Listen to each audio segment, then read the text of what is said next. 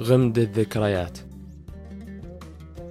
أنا محمد مرخان مقدم هذه الحلقة من بودكاست مشكاة.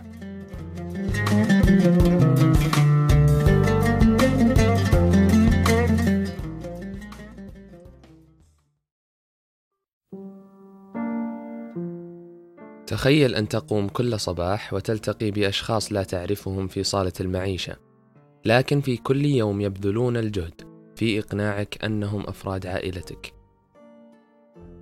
قد تكون هذه الحالة نادرة وشبه مستحيلة لشخص مثلك لكن في الواقع هناك الكثير من الأشخاص الذين فقدوا هويتهم بسبب فقدانهم للذاكرة. يستيقظون كل صباح وكأنهم قاموا للتو من غيبوبة دامت سنين. إذا كيف لكتلة من الأنسجة والخلايا التي لا تتجاوز الاثنين كيلوغرام قادرة بأن تحدد ماضيك وحاضرك اللذان يحددان ماهيتك؟ في أوائل القرن العشرين كان هناك شاب يدعى هنري ميليسون. كان هنري يعاني من نوبات صرع شديدة. كان يغشى عليه لمدة ثواني معدودة وأحيانا أخرى يغشى عليه لدقائق مستلق على الأرض وجسده يهتز بعنف. استعان هنري بأدوية كثيرة لكن لم تجدي نفعا بل بالعكس زادت من حدة الصرع. كانت هذه الحالة على الشاب في الربيع من عمره قاسية وصعبة جدا حتى أنه لم يستطع إكمال المرحلة الثانوية بسبب نوبات الصرع. في عام 1953 وهو في السابع والعشرين من عمره وافق على إجراء عملية جراحية بالاستعانة بجراح المخ والأعصاب الشهير ويليام سكوفيل الذي اقترح أن يستأصل جزء من دماغ هنري يسمى بالحصين حتى يتخلص من نوبات الصرع تلك. وافق هنري لهذه العملية الغريبة نوعا ما وقد يقول البعض أنه تهور لكن يأسه غلب عقله حتى يتخلص من نوبات الصرع. ولكن لم يعلم هنري أنه سيصبح أشهر مريض يتم دراسة دماغه في أبحاث الذاكرة. بعد أن استفاق هنري من العملية لاحظ طبيبه سكوفيل تحسن في حالة هنري الذي شفي من صرعه ولكن لاحظ أيضا تراجع في ذاكرة هنري الذي لم يستطع تذكر السنتين الماضيتين قبل العملية.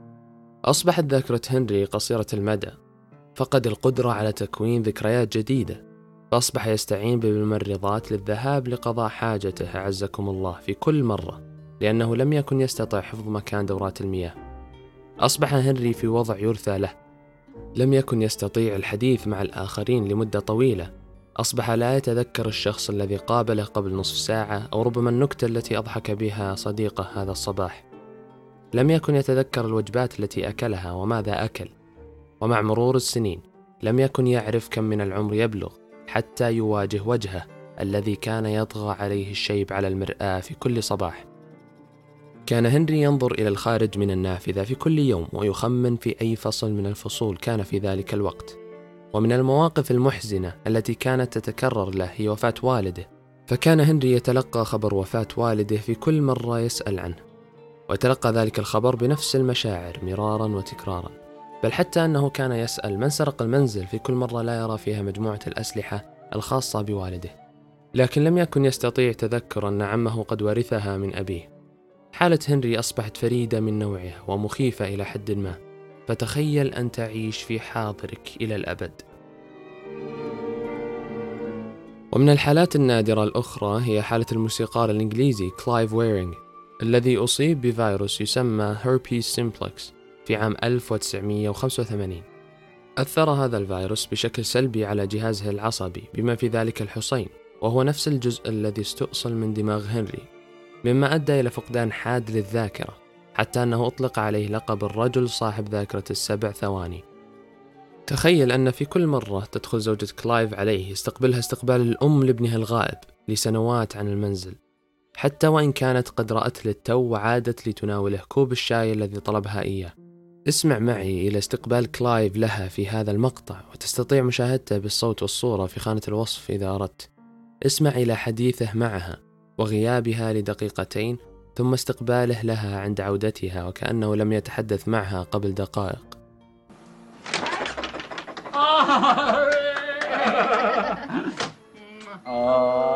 Do you know Why? her daughter's having a party? No, Guess. no idea. She's just got married. Oh, I see. She just got married in. Do you know what country she just got married in? No idea. In New Zealand. Oh, I see. بعد ذهابها للمطبخ وعودتها بعد دقيقتين No thoughts at all. As far as I'm concerned, the doctors have been totally incompetent. I've never seen a doctor the whole time. Oh, look, she's come.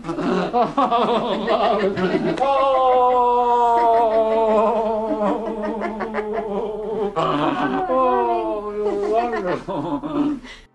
العجيب في الأمر أن كلايف يعزف البيانو ببراعة ولم ينسى المقطوعات التي عزفها لسنوات لكن إذا بدأت زوجته بالتحدث عن أبنائه فكأنها تحدث عن غرباء فهو لا يعرف أين هم ومن تزوجوا وكم من الأبناء لديهم فزوجته هو كل ما يميز في حياته الآن. الكثير من الناس قد يرى أن النسيان وارد والذاكرة مقتصرة فقط على التدهور ولا يمكن للدماغ أن يتذكر كل شيء. لكن في الحقيقة هناك شخص روسي يدعى سولومون شيرشفسكي كان يمتلك ذاكرة أسطورية ويتذكر كل المعلومات من غير جهد يذكر. فإذا كنت أنت تحاول بكامل وعيك وجهدك حتى تتذكر رقم هاتف صديقك مثلا أو اسم أستاذك الجديد فبالنسبة لسولومون هذا الجهد في الغالب يبذله حتى ينسى معلومات معينة. كان سولومون يعمل كصحفي في العشرينات من القرن الماضي عندما يسلم محرر القسم مهام لسولومون وزملائه في العمل وبينما الكل يدون المعلومات التي قدمها المحرر لهم كان سولومون يسند كرسيه إلى الخلف وينصت إلى تلك المعلومات. وكأن عقله يدون بدلا عنه. فلا يذكر اسم أو عنوان أو رقم إلا وحفظه كاسم أبيه وعندما طلب منه عالم النفس العصبي ألكسندر لوريا أن يحفظ كلمات عشوائية بلا معنى يربطهم تمكن من تسميع الكلمات في أي ترتيب طلب منه. بل العجيب في الأمر أنه عندما تلاقيا بعد سبعة عشر سنة ما زالت قائمة الكلمات في ذهنه وكأنه حفظها بالأمس. لم يكن سلمان يفهم معنى النسيان. ولم يستخدم جمل ك لا يحضرني الاسم الآن أو متى موعد الاجتماع لقد نسيت في حياته. سولومون كان حاسوبا متنقل بكل ما تحمله الجملة من معنى. من الطبيعي أن لا أحد يريد ذاكرة هنري أو كلايف لأن هذا يعني أنك فقدت هويتك. لكن السؤال هل تتمنى أن تملك ذاكرة سولومون؟ قبل أن تتسرع وتجاوب بنعم فكر ما معنى أن تتذكر فعليا كل شيء. سولومون كان يعاني من حالة اسمها synesthesia بالإنجليزية وهذه الحالة باختصار تجعله يربط بين أكثر من حاسة في نفس الوقت. مثلا سماعك لصوت معين سيربط عندك رائحة معينة أيضا في نفس الوقت وهذا يقوي الذاكرة لتلك المعلومة. باختصار سلمون كان يشاهد الصوت ويشتم رائحة ما يراه. قد يصعب تخيل ذلك لكن هذه الحالة كانت سببا في ذاكرته القوية. إذا كانت ذاكرة سلمون لديك ستخدمك بشكل كبير بلا شك. لكن تذكر أيضا بأنك لن تنسى كل شخص قابلته في حياتك. ستتذكر كل موقف محرج حدث لك وتستذكر معه حتى الشعور الذي انتابك في ذلك الوقت. سيكون من الصعب عليك أن تتناسى موقف محزن أو مشهد أربك شعورك. أن تتذكر كل شيء يعني أن تحفظ حياتك بكل تفاصيلها الحلوة والمرة.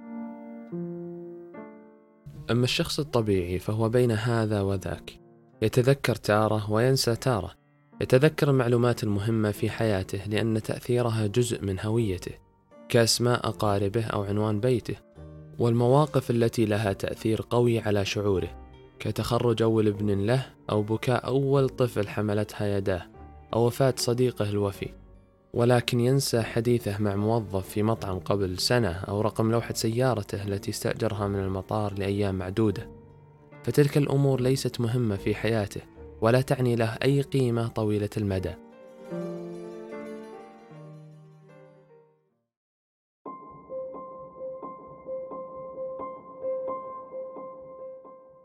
إذا كيف لهذا الدماغ أن يحتفظ بالذكريات وينسى تلك التي لا معنى لها؟ من دون الدخول إلى التفصيل الممل في علم الأعصاب وتفسير الذاكرة، ناهيك على أن الذاكرة أصلا من المواضيع التي نجهل عنها الكثير في يومنا الحالي. والعلم ما زال يكتشف أسرار هذا البحر المظلم. قدم العالمين ريتشارد أتكنسون وريتشارد شيفرين نموذج في عام 1968 يتكون من ثلاث مراحل يوضح دخول المعلومة للدماغ وحتى تخزينها للمدى البعيد المرحلة الأولى تسمى sensory memory أو الذاكرة الحسية. في البداية يتم استقبال المعلومات الحسية من حولك لنأخذ كمثال رقم هاتف مكتوب على ورقة تريد حفظه. بعد أن ترى العين عن ذلك الرقم تتم ترجمته إلى لغة الدماغ وهي إشارات كهربائية يتم نقلها بواسطة خلايا عصبية تسمى عصبونات. هذه المرحلة هي الأقل حفظا للمعلومات. تظل المعلومة محفوظة لمدة لا تزيد عن النصف ثانية إذا استقبلت المعلومة بالنظر. أو ثلاث ثواني تقريبا إذا استقبلت المعلومة بالسماع. حتى أوضح لك الصورة. كلنا مررنا بهذا الموقف. يتحدث إليك شخص ما وأنت مشغول أو لا تنصت جيدا. لكني قد يسأل سؤالا ويسكت لينتظر الإجابة. وبعد مضي ثانيتين تقريبا من هذا السؤال تلتفت إليه. والعجيب أنك تتذكر ما هو السؤال حتى ولو لم تبذل الجهد لحفظه ولم تكن أصلا منتبها له.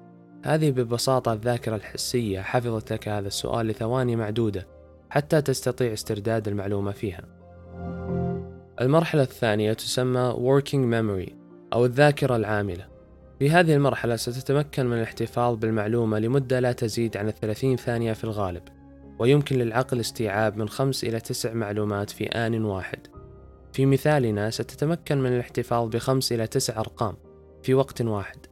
لكن حتى تتمكن من الاحتفاظ بتلك المعلومة يجب عليك استخدام أحد الأساليب التي تمكنك من نقل هذه المعلومة إلى الذاكرة طويلة المدى كالتكرار مثلا. فتكرارك للمعلومة ينشط الترابط بين العصبونات المسؤولة عن هذه الذاكرة وتمكنك من الاحتفاظ بها لوقت طويل واستردادها في الوقت الذي تريد. ومن الأساليب الأخرى هي ربط هذه المعلومة لمعنى شخصي لك. فمثلا أول ثلاث أرقام كانت رقم الشارع الذي تسكن فيه. وآخر أربع أرقام تبدأ برقم لوحة سيارتك وهكذا. أما المرحلة الأخيرة فتسمى باللونج تيرم ميموري أو الذاكرة بعيدة المدى. وفي هذه المرحلة يمكن للعقل تخزين معلومات لا نهائية ويختلف وقت احتفاظ المعلومة بحسب عوامل كثيرة منها كم مرة تسترد المعلومة في الغالب. كما ذكرنا استرداد المعلومة بشكل متكرر يحفز الترابط بين العصبونات ويقوي ذاكرة هذه المعلومة. وكل ذاكرة عندما تحفظ في الدماغ يكون لها نمط عصبي مميز تختلف بها عن البقية والجزء المسؤول عن إنشاء هذا النمط يسمى بالحصين. لذلك كلايف وهنري لم يستطيعان إنشاء ذاكرة جديدة لأن هنري لا يملك هذا الجزء بعد العملية والفيروس الذي أصاب كلايف أثر على هذا الجزء في دماغه.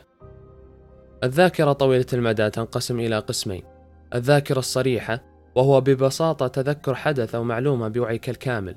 والذاكرة الغير صريحة وهو تذكر فعل أمور بشكل آلي ولا يتطلب منك التذكر الواعي لتلك العملية. وكل منها ينقسم أيضا إلى قسمين. لنبدأ بالذاكرة الصريحة. فالذاكرة الصريحة تنقسم إلى ذاكرة المعلومات والحقائق مثل إذا سئلت عن تاريخ توحيد المملكة مثلا أو تاريخ الحرب العالمية الثانية. وذاكرة الأحداث مثل تذكرك لتخرجك من المدرسة أو ليلة زواجك. فهذه ذكريات صريحة وتتطلب منك الوعي الكامل حتى تتذكرها. أما الذاكرة الغير صريحة وهي القسم الآخر فينقسم إلى الذاكرة العملية مثل تذكرك لركوب الدراجة فأنت تقوم بذلك تلقائيا من غير أن تتذكر كل خطوة حتى تقوم بهذا العمل. ولذلك لم يفقد كلايف قدرته على عزف البيانو لأن الجزء المسؤول عن هذه الذاكرة ليس الحصين. وإنما أجزاء مختلفة من الدماغ مثل المخيخ. والقسم الآخر هو الذاكرة العاطفية. مثل شم رائحة عطر معين يذكرك بفترة زمنية معينة في حياتك.